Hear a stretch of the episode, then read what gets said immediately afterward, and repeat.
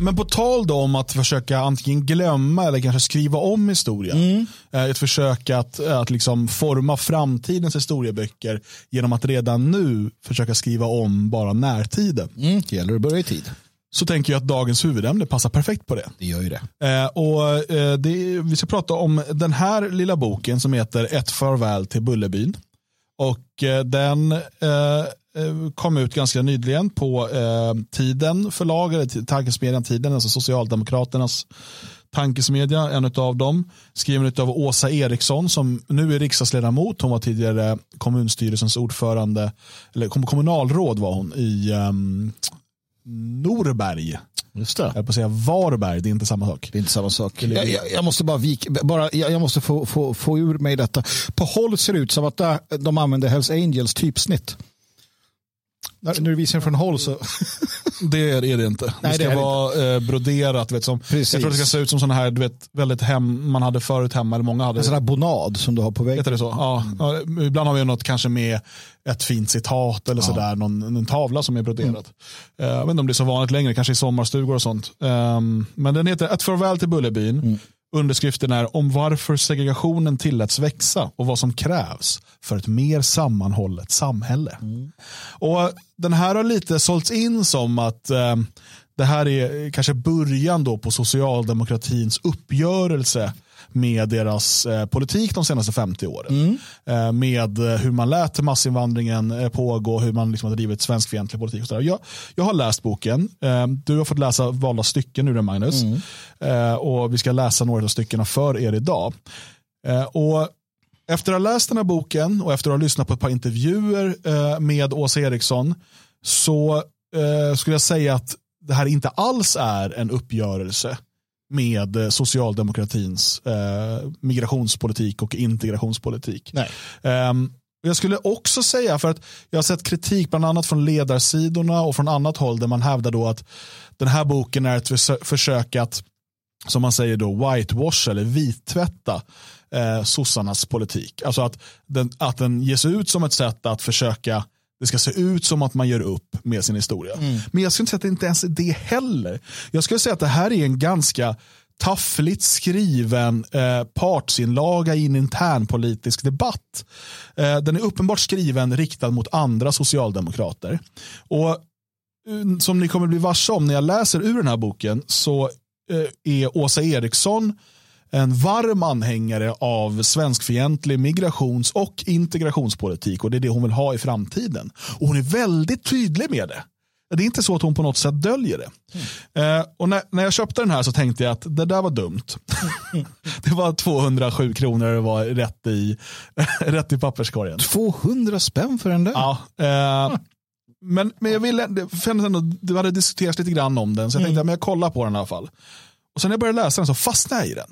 För att eh, hon kommer ganska tidigt in på 1975 års grundlagsändringar. Det här som vi har talat så mycket om. Det vi har en skrift på logik.se, eh, hur Sverige blev en mångkultur, som behandlar det här.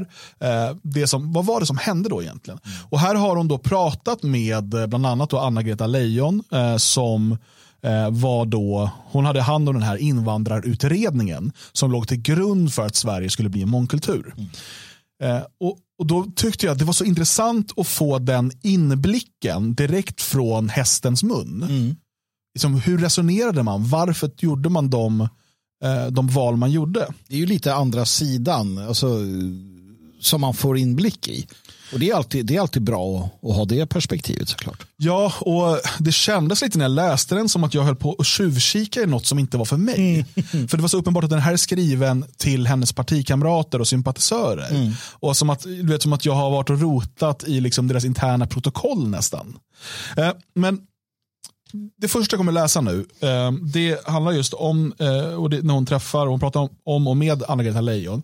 Och nu kommer jag läsa en lite längre bit, men du får avbryta mig när du vill. Yes. Om du vill kommentera någonting. Sen har jag några till saker som är kortare. Men den här första är, är lite, ett lite längre sjok. Men går jättebra att avbryta mig. Då skriver hon så här. Leijon var ansvarig för regeringens proposition om riktlinjer för invandrar och minoritetspolitiken 1975 26. Där slogs huvudlinjerna fast som sedan gällt i decennier. Citat. Invandrar och minoritetspolitiken bör präglas av en strävan att skapa jämlikhet mellan invandrare och svenskar. Invandrare och minoriteterna bör ges möjlighet att välja i vilken mån de vill gå upp i en svensk kulturell identitet eller bibehålla och utveckla den ursprungliga identiteten. Politiken bör även inriktas på att skapa samverkan mellan svenskar och invandrare för att öka solidariteten mellan dem, liksom möjligheten, möjligheterna för invandrarna och minoriteterna att påverka beslut som rör deras egen situation. Slutcitat. Ledorden blir alltså jämlikhet, valfrihet och samverkan. I stort har det varit vägledande för integrationspolitiken tills alldeles nyligen. Att invandrare och infödda svenskar ska vara jämlika står sig än idag. En av reformerna som infördes var rättigheten att läsa svenska som andraspråk. Jämlikhetsmålet innebar att man skulle ha samma rättigheter men också samma skyldigheter som infödda svenskar. Valfriheten handlade om i vilken utsträckning invandrare förväntas assimilera eller kunna behålla sin egen kultur. Propositionen föreslog att det skulle införas en rätt att läsa sitt hemspråk och att invandrarföreningar skulle få statsbidrag för att bibehålla och utveckla olika kulturer eh, låt oss bara, låt oss bara Alltså först och främst måste man förstå att det är en, för, en fullständig kapitulation för uh, de debatterna, alltså David Schreitz och liknande, som, som hade då debatterat i, i år, åratal innan. Det är ju i princip att de har tagit han och mm. Alltså den judiska, estniska och, och uh, vissa andra minoriteters idéer och bara tagit dem mm. rakt av. Men sen var det lite intressant här att det skulle vara jämställt. Mm. Om du tar lagstiftning som heter mot folkgrupp så finns det ju ingen jämställdhet i, i relationen svenskar-invandrare. Alltså de har ju mer rättigheter mm. och vi har fler skyldigheter. Mm. Så där har det blivit, det verkar hon inte erkänna där. Det kanske kommer senare i boken. Att... Nej, och hon går absolut överhuvudtaget inte in på den debatt som ledde fram till det här på 60 och eh, halva 70-talet. Då. Eh, och det är den, där måste man ju läsa hur Sverige blev mångkultur. Mm. Den finns också som ljudbok eh, på logik.se om man hellre lyssnar. Ja. Eh, för att eh, den, för den avhandlar debatten inför. Mm. Det som leder fram sig. För, och, och, visst, nu håller hon sig till just partiet, men David Schwartz, då, eh, den här judiska aktivisten som drev på för mångkultur i Sverige, han var, stod ju nära Olof Palme. Precis. Eh, så han var ju nära socialdemokratin också, men han nämns inte. Man utgår från Anna-Greta Leijon här. Mm. Jag fortsätter då. Ja. Valfrihetsmålet innebar rätten att få behålla sin egen kultur, att själv välja om man vill anpassa sig till majoritetsnormen eller ej, men inom ramen för de lagar och regler som gäller i Sverige. Samverkansmålet handlade om att hitta former för respekt och tolerans. Det innebar också att de som kommer från andra länder skulle få ökade möjligheter att påverka det svenska samhället, vilket ledde till införandet av den kommunala rösträtten även för invånare utan svenskt medborgarskap i 1976 års val. För att lägga grunden till de föreslagna reformerna tillfogades några nya meningar i regeringsformen. Citat. Etniska, språkliga och religiösa minoriteters möjligheter att behålla och utveckla ett eget kultur och samfundsliv bör främjas. Slutcitat.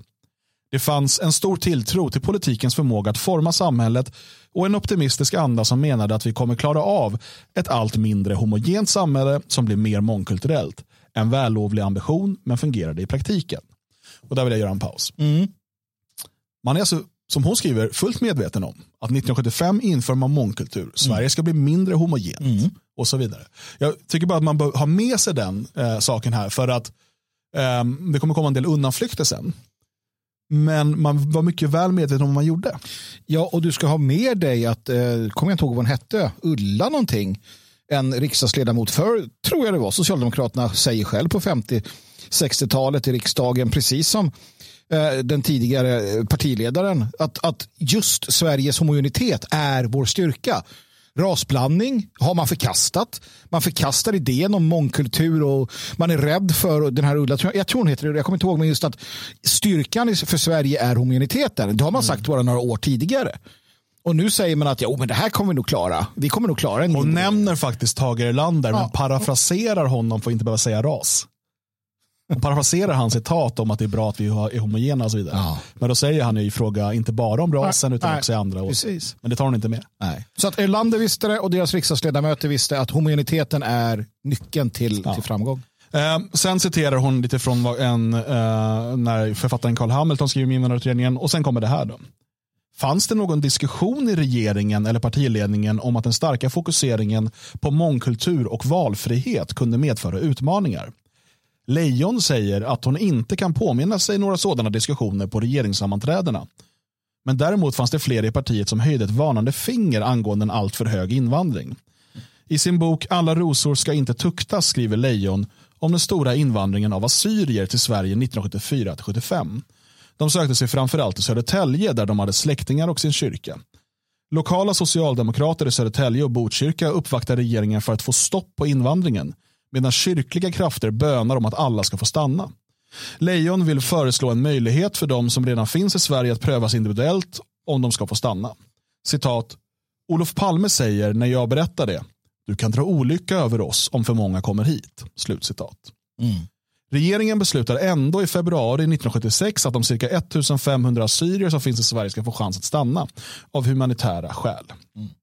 Sen kommer ett citat här om hur LO eh, inte var helt nöjda med det. För att de tror att det skulle leda till lönedumpning. Kan, kan vi bara stanna där? Jag ska bara hämta en sak. Mm. Ja. Ja, får jag prata det till eh, Bra, då eh, läser jag ett, ett till citat här. Eh, från eh, Alla rosor ska inte tuktas. Då skriver Anna-Greta Leijon så här. De förslag jag lägger som invandrarminister är möjliga därför att stormakterna håller varandra i balans. Därför att avståndet till världens allra fattigaste är långt och därför att förtryckta och förföljda människor kontrolleras så hårt att utresor inte är möjliga. Roland Morell som var ordförande för Socialdemokraterna i Järfälla menar att detta tillstånd inte kommer att bestå. Pratar nu 70-talet. Mm. Hon lägger de här förslagen om mångkultur och så vidare. Men hon säger att hon gör det för att det kommer ändå inte komma så många hit. Mm. Roland Morell då i Järfälla. Vi har långa och hetsiga diskussioner om flykting och invandringspolitiken. Han tycker att regeringen och partiet är naiva i sin världsuppfattning och delvis oärliga. Jag tycker att vår politik är bra.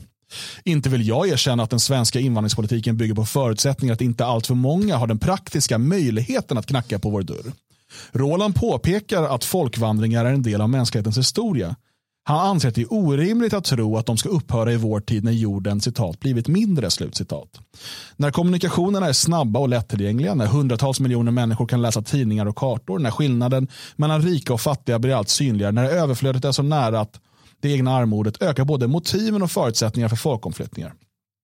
Roland tror att trycket från assyrierna bara är början på en våg av miljontals människor som han förutser ska komma att lämna Asien och söka sig till Europa. Jag vill bara i sammanhanget här då, då jag fick eh, Fokus, tidningen Fokus igår. Du tog upp Assyrien och Södertälje. Ja. Uh, och det är 50 år sedan. Du, du, du är ja. nästan tillbaka 50 år. Och här är då uh, Södertälje surtant. Det går inte en dag utan att Boel Godner, socialdemokraten i Södertälje, är citat förbannad över migrationspolitiken. Det här är 50 år senare. Då, då har vi alltså Södertälje, det Södertäljenätverket, den syrianska assyriska maffian som kontrollerar stora delar av affärsverksamheten eh, och eh, dessutom nu har vi ju då inblandningen i, i lokalpolitiken i Botkyrka. I Södertälje är de in, inblandade sedan ja, länge. De äger ju, alltså... Ehm, och det var det som hände. Det här beslutet som Palme och Lejon och så vidare tog om att de här 1500 som det var då, mm. assyrierna skulle få stanna eh, och samtidigt som man införde mångkulturen har lett till det som vi ser i Södertälje idag. Och de visste det, de blev varnade för det. Det fanns varningar till och med, till, och till och med inom partiet där som, som vi citerade här från Järfälla ja. som eh, sa att det är naivt att tro att, att det inte kommer komma jättemycket folk hit då. Jag menar bara för att och det är lite så man måste förstå det kanske. Eh, på, när var det här? 60, 70, 70, 60? Eh, 75, 75, 76 får de att stanna ja. assyrierna. Mm. Då tog det två, typ, det tog två, ja, det hade väl gått lite snabbare, men menar, en gång i tiden så tog det två, tre dagar att flyga till Gran Canaria. Mm. Visst, det var en annan tid. Eh, det var DC3 och inte 747 år. Inte två, tre dagar för Gran Canaria. Ja, i början när, ja, i början när, när man, men det var liksom långt tidigare. Ja. Men det, det, är klart att man, man, man, kanske, man, man hade inte förut, man såg inte kanske men man måste ändå förstå att tekniken kommer utvecklas. Att, att det kommer ske saker som gör att människor en mass kan ta sig till vår kontinent, till vårt land här uppe i yttersta Norden. Det duger helt enkelt inte mm. att säga att nej, men det kommer inte komma så många. Vad fan tror de? Mm. Alltså... Sen lite längre fram här eh, när hon pratar om och med Anna-Greta Leijon så skriver eh, Åsa Eriksson så här. Idag är Sverige rent objektivt ett mer heterogent samhälle än då, men vi har fortfarande starka samhällsstrukturer. Segregationen har definitivt ökat. Kunde vi ha undvikit det senare om vi fokuserat mindre på valfrihet och mer på att fördela nyanlända människor i alla typer av bostadsområden i hela Sverige? Och den ännu mer laddade frågan infann sig. Finns ett egenintresse i att hålla samhället i någon mån citat homogent slutcitat? Eller ska vi, som partiet förordade på 80 och 90-talen, ha mångkulturalism som målsättning? Men vad säger kärringen? Ursäkta. Hon tänker att vi borde kanske, eller de borde kanske ha lagstiftat om eh, att de skulle placeras ut i lägenheter runt om hela landet. Eh, vi kommer komma till det sen. För att eh, hon kommer att presentera ett par förslag här också. Det som då förmodligen, eh, ska jag säga, vi kan ge oss lite av vilken riktning vi kommer se Socialdemokraterna ta de kommande två valen ungefär. Ja, för att det, det, bara den lilla saken där, det är ju, det är ju inte trevligt. Precis, för att man ska komma ihåg det att det som är kritiken i den här boken, och det kommer bli ganska tydligt snart, mot socialdemokratin är inte mängden, är inte eh, liksom att man um, liksom öppnade upp gränserna, utan att man inte eh, fördelade dem bättre över landet. Det är det som är kritiken.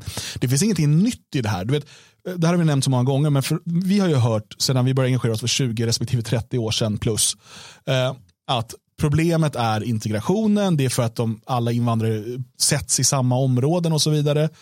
Nu, förklar, nu har man ju vänt på det hela och säger att problemet är valfriheten. För när invandrare får välja själva då bosätter de sig i områden mm. med andra mm. från deras klan och deras familj och deras stam och så vidare.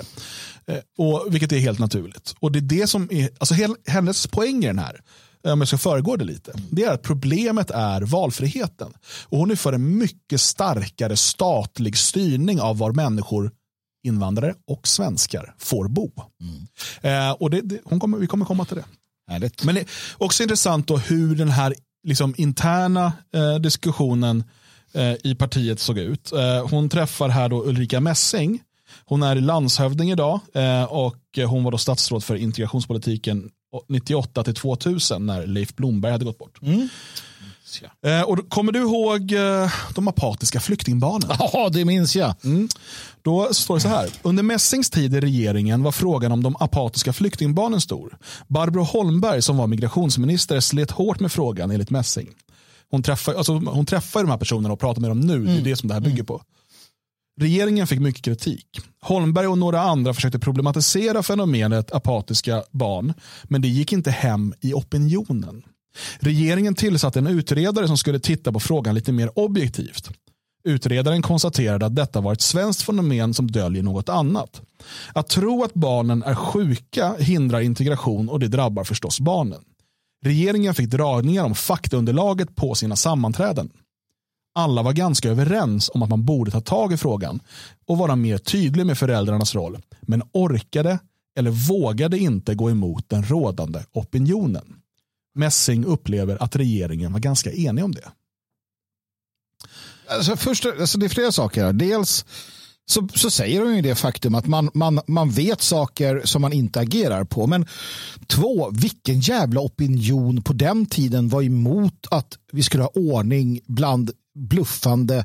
Jag tror inte att det var en opinion bland svenskar i allmänhet. Nej, det är inte den opinionen. Eh, utan det är en opinion inom vänsterklägget. Inom Precis. media, inom liksom de här, alla de här föreningarna och så vidare runt omkring.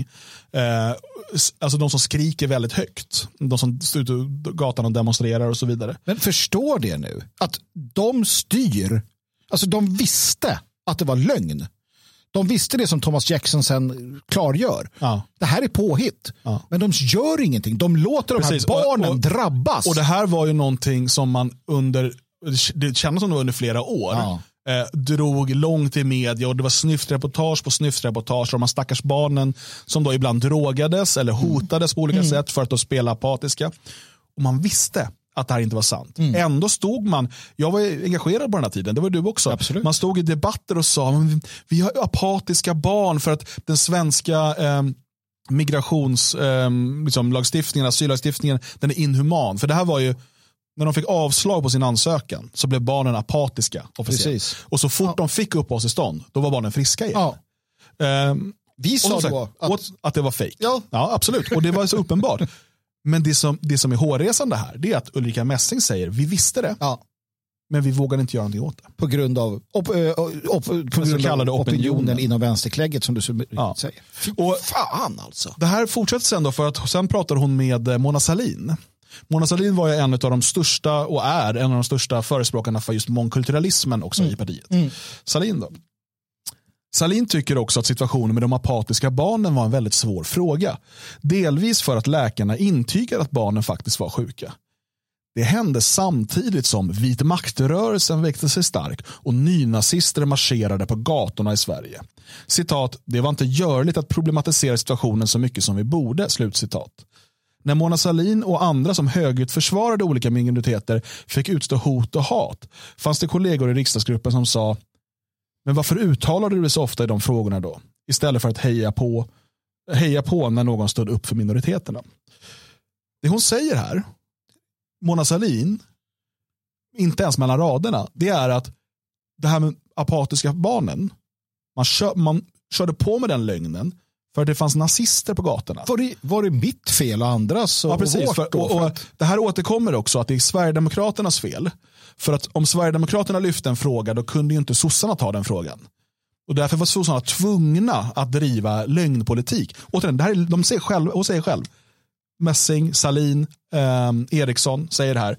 Vi visste att vi ljög, men vi gjorde det för att det inte skulle gynna nazisterna eller Sverigedemokraterna eller vad det nu var. Men det här är ju ondskefullt. Det är ondskefullt. Alltså på riktigt ondskefullt. Nu, jag säger inte bara det som en sån här, åh, de är onda. De säger ju att vi ljög, vi skadade människor, vi, vi, vi, vi skadade barn, vi skadade svenskar och invandrare, vi skadade allihopa. Och vi ljög för att några skinnskallar var ute och, och, sen- och, precis. traskade runt. Och, Och det här med den så kallade opinionen då. Man var rädd att förlora makten om man sa sanningen. Så istället ljög man och fortsatte bedriva den här politiken och skada de här barnen och skada svenskarna och så vidare. Men här är ju, här är ju så, vi pratar ju ofta med om, alltså, hur, hur kan det ha blivit så här? Här är ju svaren. De är onda. De är onda, de är dumma. själviska, de men det- vet vad de Vi gör. brukar ju fråga oss, är de korkade eller är de onda? Ja, de är onda. De är onda. Det är liksom, utav de två är vad alternativen är. så är de onda. Det är fruktansvärt det här. Alltså, jag mår inget bra av att höra det här. Usch. Mm. Eh, hon skriver också, eller säger också själv här då att det är ett problem. Eh, hon säger, så här säger Salin, vi socialdemokrater är vana att vara samhällsförändrarna. Vi ser problem, vi lägger en proposition, vi löser problemet. Det funkar inte på det här området som är så komplext. Vi är vana att vara de goda och har därför svårt att ifrågasätta eller problematisera om vi framstår som ogoda. Det vill säga att vi kan inte fatta beslut som är svåra.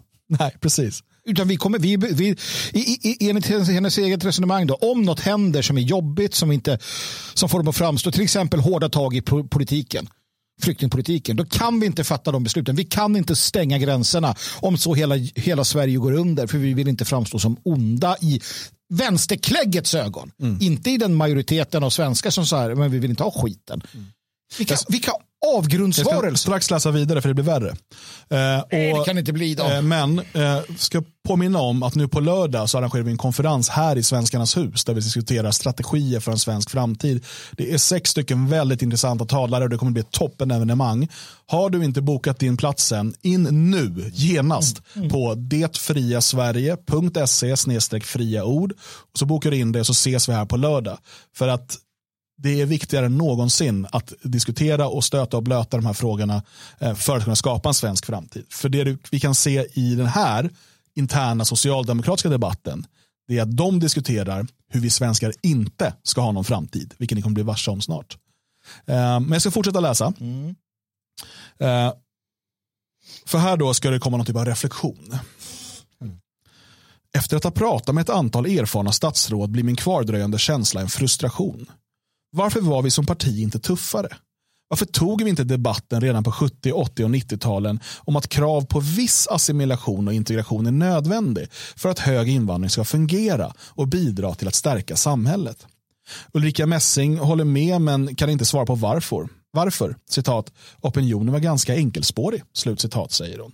Citat, det fanns inte utrymme trodde vi att säga något annat. Vi trodde att vi var snälla mot människor när vi inte var tuffa, men det blev en björntjänst både mot individen och mot samhället. Slutcitat. Jag frågar Anna-Greta Leijon om hon tycker att vi som parti har anledning att vara självkritiska om vi varit naiva och inte velat inse när utvecklingen, läs segregationen går åt fel håll.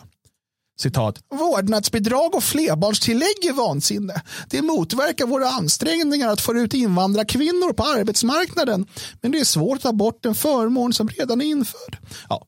Och så där, eh, liksom, det är den självkritiken eh, liksom, eh, som, som, som luftas här. Alltså det, det är ju bara ett... Uh...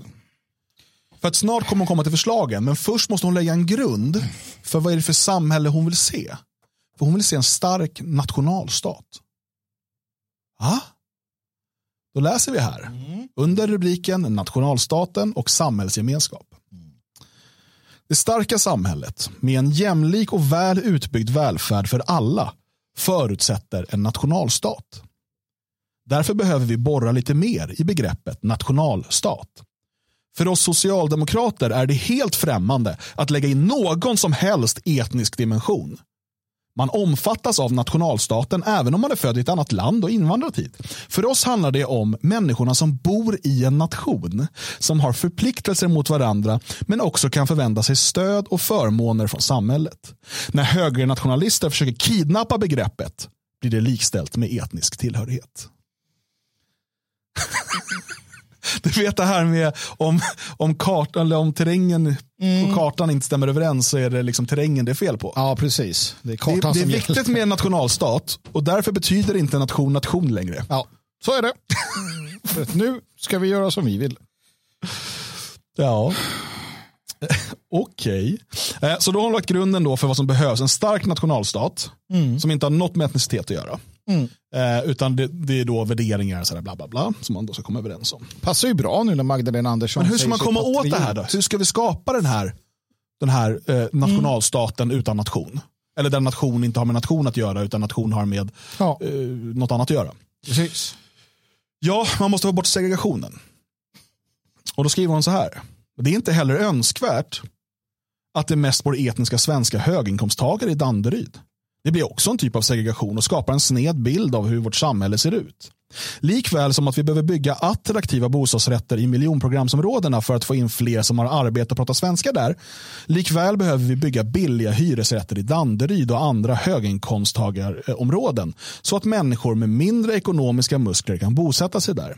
Det senare är tyvärr svårare att genomföra eftersom höginkomsttagarkommunerna ofta styrs av högerkonservativa partier som inte vill släppa in nyanlända, socialt utsatta eller ekonomiskt svaga i sina områden. Finns det någon lösning på det? Behöver vi se över regeringens befogenheter? Kan staten jobba med morot och piska? Ja, det ska inte finnas några svenska områden. Nej, och eh, alltså det här är ju det vi alltid kommer till när vi pratar med socialister. Den här typen av människor. Utan, för det de kommer till är att så här, ja, men, om människor får välja så väljer de fel utifrån ja. hur vi vill ha Återigen, det. kartan och terrängen. Och så stämmer det inte överens, då måste vi ändra terrängen, ja. inte ändra kartan. Mm. Och, och, man börjar ju förstå varför den här typen av idéer leder till folkmord, folkfördrivningar och allt annat oschysst. Eh, hon fortsätter här lite senare. Men hur ska vi få folkets stöd för att bygga upp ihop samhället igen? Den politiska viljan finns i mitt parti. De politiska idéerna om att blanda upplåtelseformer i samma bostadsområde, att blanda barn med olika bakgrund i samma skola finns också. Men hur får vi den välmående medelklassen med på det tåget? Mm. Och sen kommer en massa trams. Och så skriver hon, för att få fler perspektiv vad som gör ett samhälle att, att ett samhälle blir för att få fler perspektiv på vad som gör att ett samhälle blir segregerat och när det istället blir en härlig, dynamisk smältdegel av olika klassbakgrunder, etniciteter och erfarenheter vill jag låna några stycken från den amerikanska sociologen Elia Anderson. Ja, det är ett citat därifrån. Men jag tycker bara just det där att hon sa en härlig smältdegel. Mm. Det är eh, i repris, ett nytt ett sånt där ord som kommer tillbaka då och då. Precis, och, och det kommer fler sådana floskler. Vårt land har alltid välkomnat människor från andra länder, berikats av det, lärt oss av det och så vidare. Vallonerna kom hit! Och, och, det här är, eh, så här pågår det hela tiden. Mm. Och hon är väldigt tydlig. Jag, alltså, inför det här programmet så att jag lyssnade på lite olika eh, intervjuer med henne. Mm. Eh, och Hon döljer ingenting. Och kom ihåg, det här är vart Sverige, eller Socialdemokraterna är på väg. Mm. Eh, det här är liksom det, det nya Socialdemokraterna. Eh, från att då, som hon skriver i den här boken, ha liksom fokuserat på mångkulturalismen så måste man nu lösa segregationen. Och varje gång de kommer säga att de vill få bort segregationen så måste vi förstå vad det innebär. Ja, ja, vi, precis. kan vi ju höra då här ifrån P1 Morgon, ett eh, samtal de hade för tre dagar sedan, den 22 september. helhet och det är livsfarligt. Du skriver också nu att du vill att Socialdemokraterna ska ta fram järva förslag i opposition för en hållbar invandring och god integration. Kan du ge ett exempel på vad du tänker på när du säger järva förslag? Jag vill att vi ska investera i människor. Eh, Jag vill att Sverige ska vara eh, ett dynamiskt, modernt samhälle med människor från många olika kulturer. Men då måste vi också se till att människor får en plats i samhället. Inte bara en fysisk plats att bo på, utan en uppgift, känna sig behövda. Så ett djärvt förslag, vad kan det vara? Eh, Jag har till exempel förslag på hur vi ska tvinga eh, kommuner att eh, bygga hyresrätter i så kallade liksom, vita områden för att vi måste bo mindre segregerat. Tvinga, Jag, hur då? jag tror att Vi kan lyssna vidare på det en annan gång. Men eh, hon är tydlig. Vad ska göras? Det ska tvingas Tvingas. Få bort de vita områdena. Just det. Färg var jävligt, väldigt viktigt. Då. Så det ska bli mer svart i de vita. Det ska bli mer brunt. Tvinga kommunerna punkt, punkt, punkt, få bort de vita områdena. Det här är ju, det här är ju om man levde i en annan tid så hade det här kallats för rasförräderi. Det är förräderi av alla dess sorter. Det och det. Man måste förstå att människor som går och röstar på Socialdemokraterna går och röstar på det här. På att tvinga. Tvinga. Men, och det är så oerhört viktigt för dem att det ska absolut inte få finnas några vita Nej. områden. Eh, det är liksom avgörande. Mm. Och eh, Man kan göra det här på fler sätt. Här är ett samtal med Anders Lindberg Mm. eh, för några veckor sedan i Aftonbladet-podden Den ideologiska frågan. kommer lite fler förslag. Tre punkter. Mm. Eh, Men vi borrar lite i dem, för jag har ett par till som du skriver om här också. Men vi börjar med skolan, för den, den, där känns ju, eller vi börjar med boendet faktiskt, för de hänger ju lite ihop. Skolsegregationen hänger ju mycket ihop med boendesegregationen. Skulle du vara beredd att bussa elever till exempel mellan skolor? Eh, det där med bussning har fått så otroligt negativ Ja, men klang. strunta i klangen. Skulle du vara beredd att göra det? Eh, jag tror att det kan behövas. Ja, vi har ju sett exempel på kommuner där Ja. Bussning alltså. Bussning av elever, alltså att tvinga svenska barn att gå eh, i, i invandrardominerade skolor. Hon vill också då tvinga kommuner att bygga bort vita områden. Det, ja, eh, det är ju uppenbart, om det inte var det innan då, vad, vad de här vill och vad socialdemokratin är på väg. Och när Magdalena Andersson kallar sig patriot så mm, vi har lite olika sätt att se på det kanske. Nej. Men, Men man har eh, väl klart för sig, varje gång du ser någon sån här sosse stå i någon valstuga eller de kommer att knacka på din dörr eller så vidare. Då är det det här de vill. De vill tvinga bort vita områden. De vill tvinga dina barn att bli en minoritet. De vill, alltså, det här är, det är ondska, det här är svenskfientlighet i dess liksom, tydligaste form. Absolut är det det. Absolut är det, det. Och, och som sagt, jag tittade här om dagen på en dokumentär på SVT om Chile innan eh, den goda, eh, den goda mm, generalen eh, Augusto. Augusto Pinochet tog över och vräkte den onda, eh, det onda rödskägget elände. elände. Eh, Då berättade man om att det, det gick så långt i Chile mellan så kallad höger och vänster att det liksom inte gick att läka. Det, det fanns ing, det var en avgrund mellan dessa två sidor. Och det är ju det som socialdemokratin har stått efter i Sverige eh, under lång tid och nu senaste året vridit upp. Så att det vi ser är ju att det finns ju inte heller, alltså hur skulle jag kunna läka när jag hör vad socialdemokratin vill och deras fotsoldater vill. De vill tvinga här till exempel då så ska man tvinga ett visst område. Det ska fyllas med svarta afrikaner med, med liksom vad det innebär och det ska tvingas på sen ska barnen bussas. Hur ska vi kunna göra något annat än att liksom gå till vägs ände med detta och börja om från början så får vi se vem som vinner. Det finns ju ingen väg framåt. Men då tänker man ju så här, hon vill tvinga bort vita områden, hon vill tvångsbussa svenska barn in i invandrarskolor och så vidare. Hennes framtidsvision är, hon vill såklart ta bort EBO eh, och hon vill ha fortsatt stor massinvandring, men de ska delas ut över Sverige. Eh, staten måste ta en tydligare styrning och tvinga eh, ut över alla då. Hon säger att problemet, för jag vet inte om ni kommer ihåg det, men hon stod och grät eh, 2015 för att Norberg, som hon var då eh, kommunalråd i, klarade inte av att ta emot fler. Eh, och Problemet som hon förklarar i sina intervjuer och i boken, det är för att de här eh, nedrans högerkonservativa, deras kommuner tog inte sitt ansvar. Eh, och Sverige ska ha fortsatt hög invandring så länge vi klarar integrationen. Bla, bla, bla. Och, eh, det, det som är intressant då, det är att det här är sånt som förespråkar. Och då, då blir jag nyfiken på personen Åsa Eriksson. Absolut. För det här, eh, jag menar, är det något sossar är kända för så är det att leva som de lär. Jag kollar upp lite då. Eh, hon bor i eh, Karbenning, har du varit där? Nej, men det vet jag. Jag har ju bott eh, i Norberg sa vi. Jag har ju bott i Fagersta en gång i tiden. Det är där i, i det är inte stort kan jag Nej, säga. nej, det är ett eh, samhälle med 110 invånare. Bara Eh, dag- negrer. Dagens ETC beskriver det så här, eh, för när de ska intervjua henne. Det finns en telefonkiosk i Karbenning. Mitt i byn står den och det finns fortfarande en telefon i den. Tillsammans med de röda husen med vita knutnar, papperslapparna på anslagstavlan, på det gula stationshuset och hästarna i hagen får telefonkiosken det att kännas som att man lämnar nutiden och landar i ett svunnet Sverige när man kör in i Karbenning. Kanske inte hela vägen tillbaka till Bullerbyn, men nästan. Ändå är det i den här västmanländska byn som Åsa Eriksson- riksdagsledamot för Socialdemokraterna, bor och har skrivit boken Farväl till Bullerbyn. Jag kollar upp Karlvenning. Mm. 110 invånare som sagt. Eh, och de jag kan hitta på Ratsit hittar jag en utlänning. Det finns en utlänning där. Kan vara.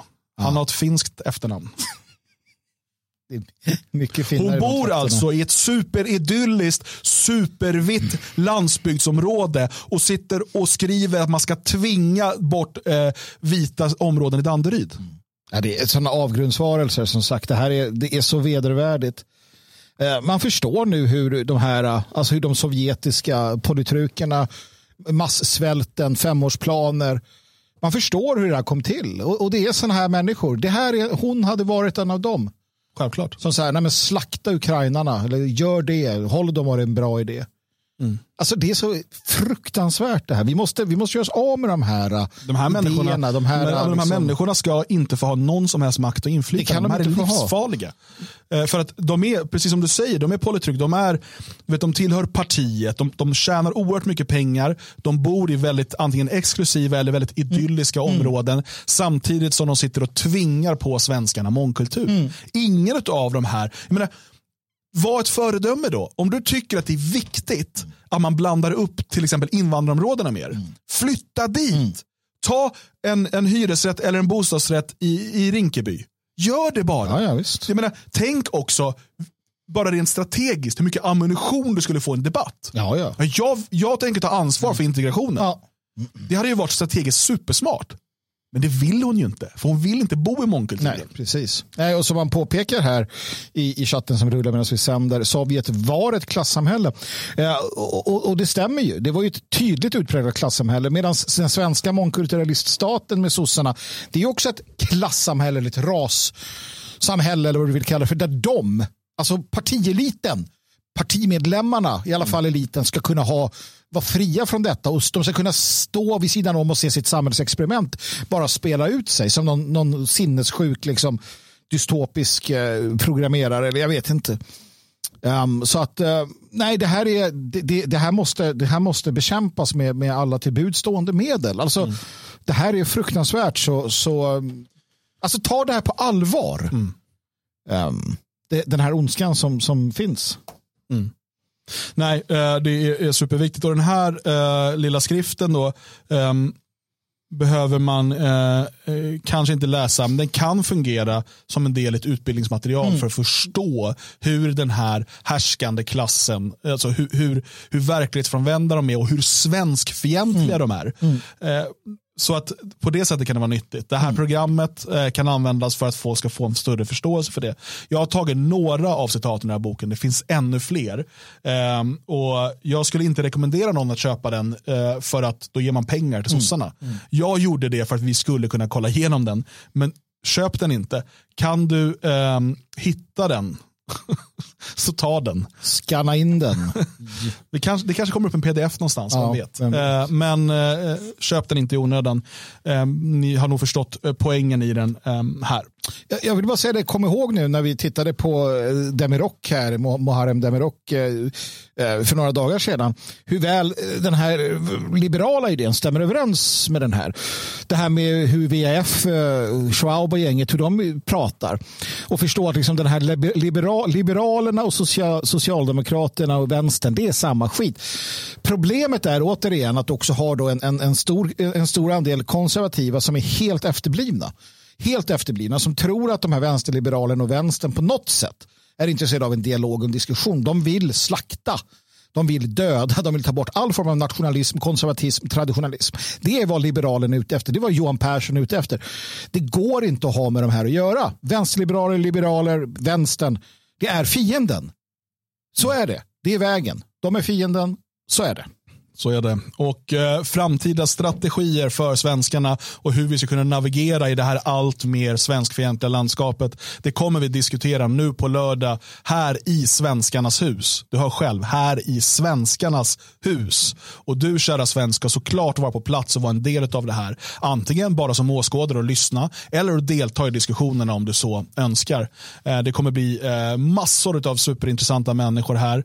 Eh, vi har dessutom en bokrelease eh, för för Jonas Nilssons reportage eh, och fotobok om Orania. Alltså den, eh, det nya samhälle som växer fram bland vita i Sydafrika där man har valt att vända det gamla samhället ryggen och bygga någonting nytt för att ha en vit framtid.